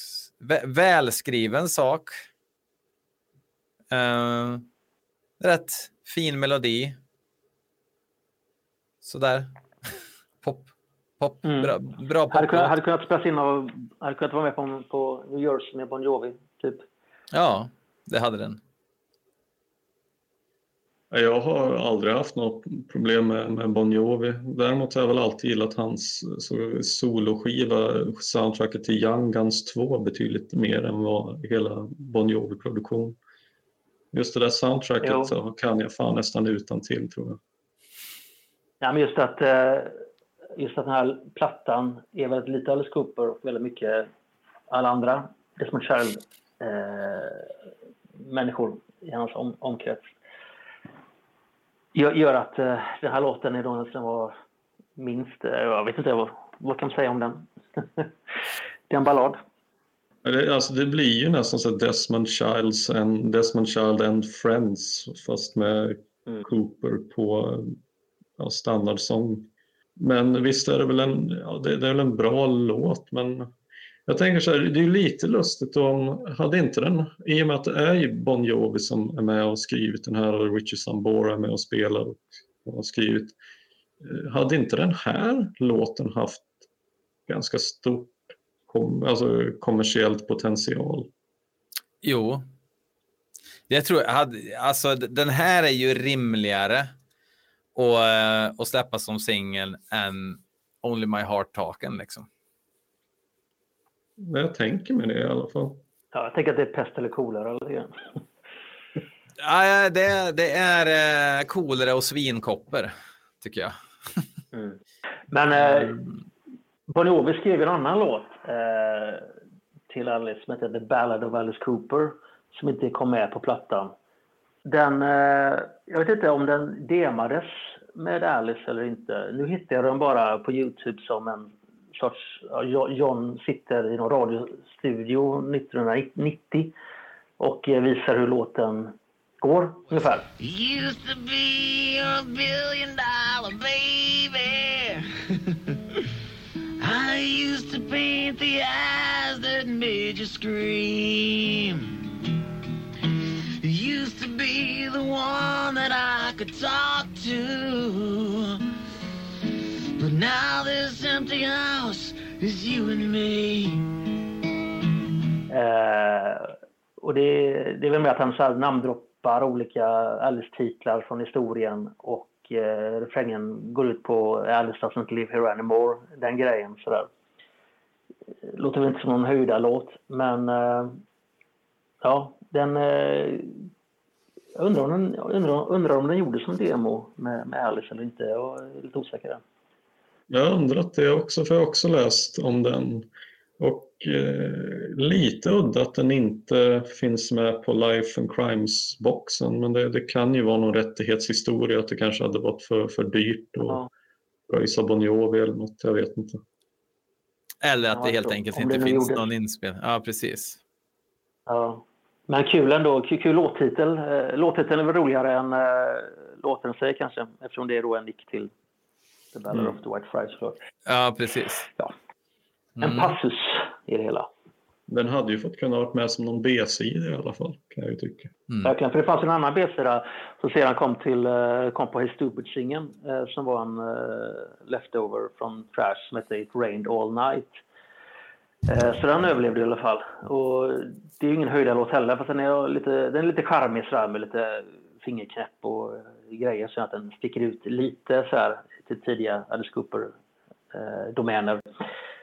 Eh, så den, den överlevde i alla fall från Trash-sektionen. I alla fall som låtidé. Jag tror att den spelas in på nytt sen till Stupid, men ja, whatever. Okej. Har vi då nått slutstation för den här skivan, resan? Ja, nu är det dags för I'm your gun. Your mama thinks I'm filthy. Your daddy calls me scum. Wrap your fingers all around me. I'm your gu-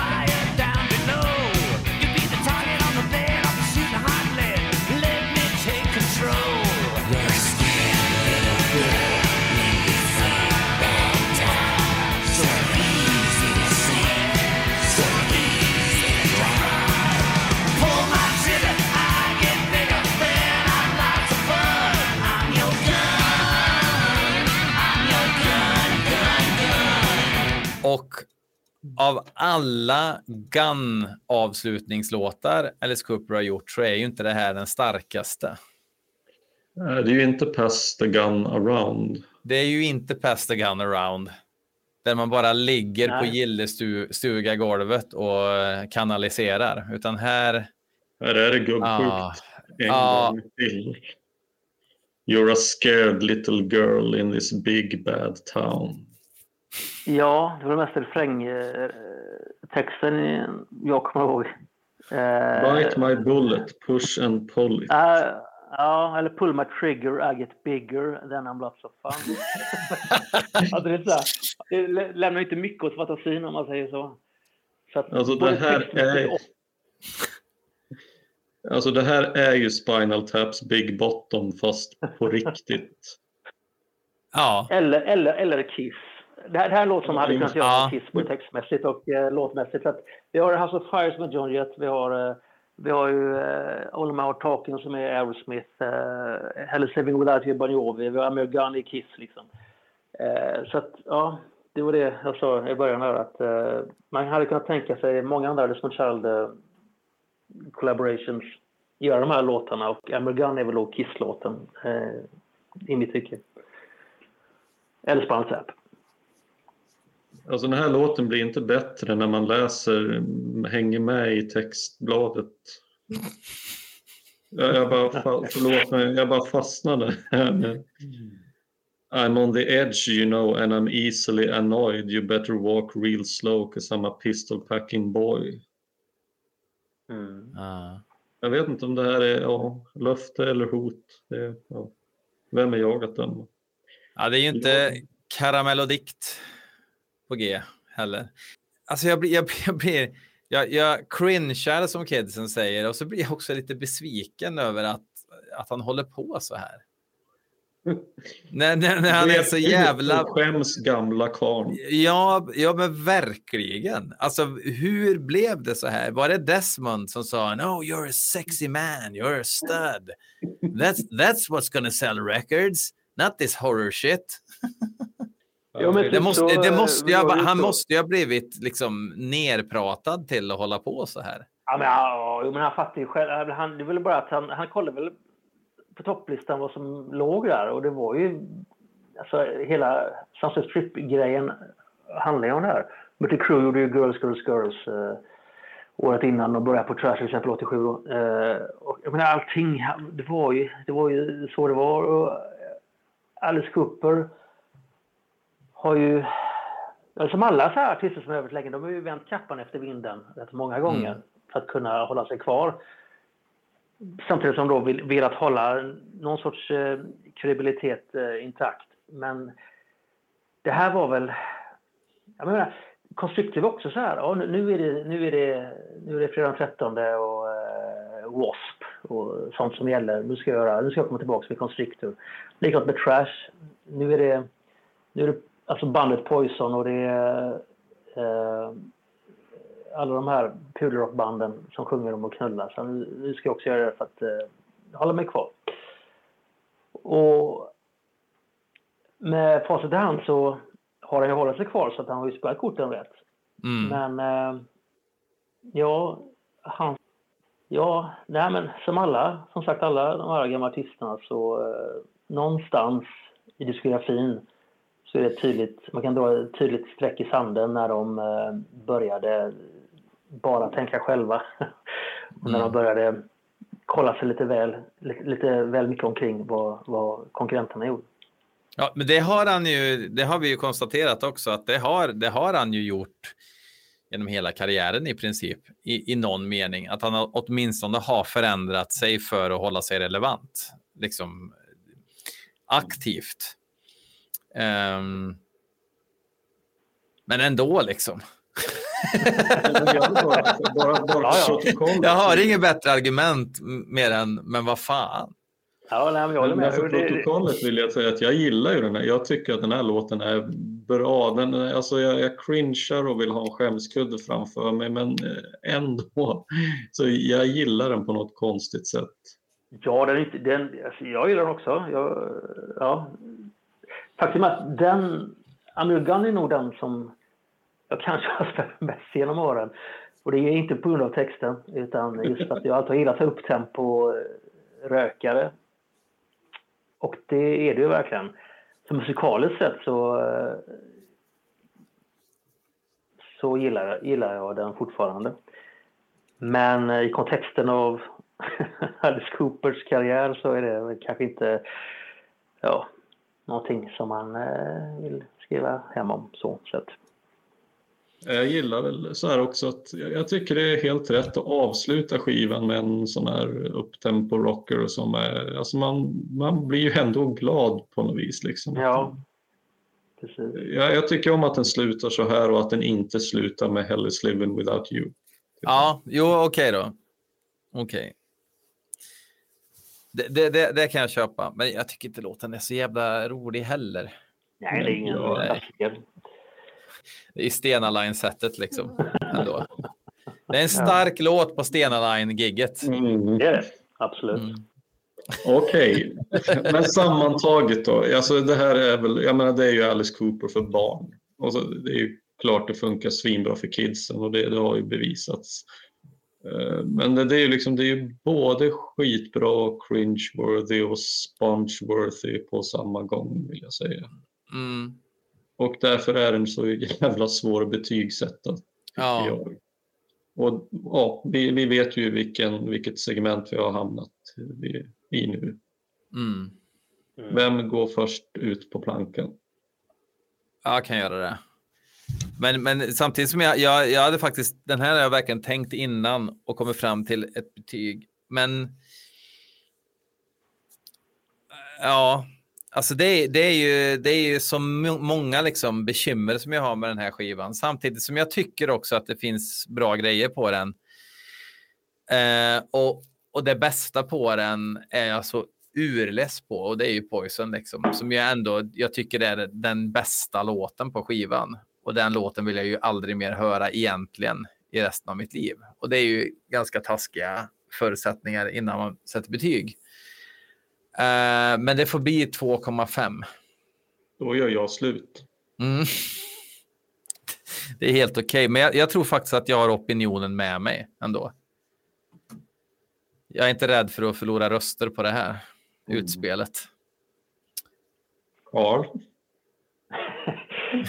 Ja, eftersom under Constrictor-avsnittet så hade du kollat upp jag hade betygsatt eh, Constrictor eh, med 2014 när jag skrev den 80-talsartikeln om Alice. Så jag fick kolla upp det själv nu innan du hann före mig där. Och jag hade gett en 7 av 10. Eh, vilket då motsvarar typ en stark trea. 3,5 då utav 5. Eh, om jag räknar om det så. Men, men det är ju för att det är för att jag är så splittrad inför den här plattan. Som Alice Cooper-skiva så, är- så är jag den eh, ett av fem. Som eh, Desmond Child-platta så är jag den eh, fyra av fem. så någonstans där hamnar man då på eh, 3,5 då kan jag tänka mig. Ja. Det är lite som om man ska se Luleå som en Metallica-skiva eller en Lou Reed-skiva. Ja, Mm. lite så. Bra, Den bra. får inte bra betyg hur man än... Nej, det är det. Den är bättre än Metal Machine Music i alla fall. Mm, jag råder ju delade meningar om den. Ja, saken. det, det, det blir nog en del syrsor hos lyssnarna tror jag. Okej. Eh, ja, eh, jag vill ge den här. Det, för mig är det klockren 4 av 5.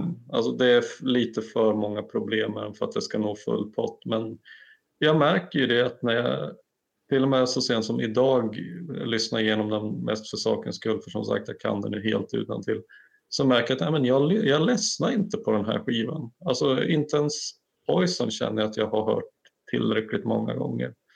Uh, så någon, det, det är flera skivor ifrån tidig ålder som jag inte tycker har åldrats sådär vansinnigt väl och som jag aldrig mer behöver höra. Men det här ger mig någonting fortfarande. Jag blir glad och peppad av den här så att jag 4-5.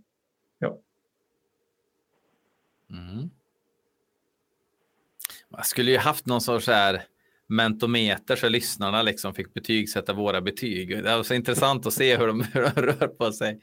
Jag vet inte vem som, som kommer vinna ur den här fighten. Men, eh, nej, men alltså, det, det är ju jättesvårt. Alltså, det, det är svinsvårt varenda gång tycker jag att betygsätta. För, och, och som vanligt när jag klipper det här avsnittet är jag helt säker på att jag kommer gilla skivan mer än vad jag gjorde innan vi satte oss för att prata nu. För så är det Alltså, alltid. Jag, jag, jag tänker bara så att jo, alltså jag, jag fattar ju precis allt ni säger och liksom att det är mer en Desmond Child-skiva. Men det är som jag tänker att ja, men man kan ju på sätt och vis kan man kalla många tidiga skivor för Bob Ezrin-skivor och liksom Mm. när man skulle köra Jo, men Gary ja, Newmans ja, jag har också tänkt på det, den liknelsen där. Men grejen är att Bob Essin var ju med och skapade hela Alice Cooper-soundet. Han var med och skapade Alice Cooper. Punkt liksom. Så därför så eh, har han mer rätt att eh, prägla Alice Cooper-skivorna Mm. med Bob Essin än vad Desmond Child har rätt att prägla Alice Cooper-skivorna med Desmond Child. Så Men, tänker men om jag. jag frågar, men jag frågar så här, tycker du att det känns som att Alice Cooper är med och gästsjunger på en Desmond Child-skiva snarare än någonting annat?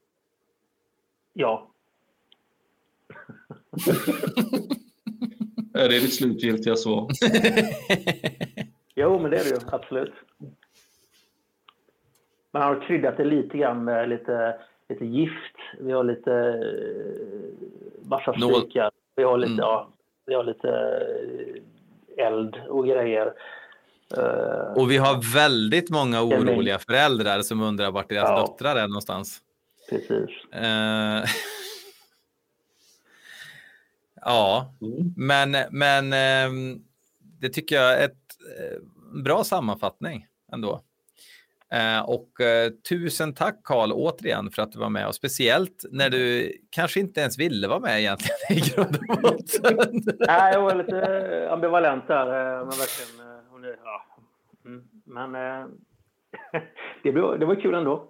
Och som sagt, jag fick, jag fick upptäcka vissa saker i den här plattan som jag inte hade gjort annars, som jag inte hade varit med här. Så att, ja, det var kul. Alice Cooper är ändå Alice Cooper, va? Mm. Så är det. Och med de orden så säger väl då låt stå. Låt stå tack för kaffet.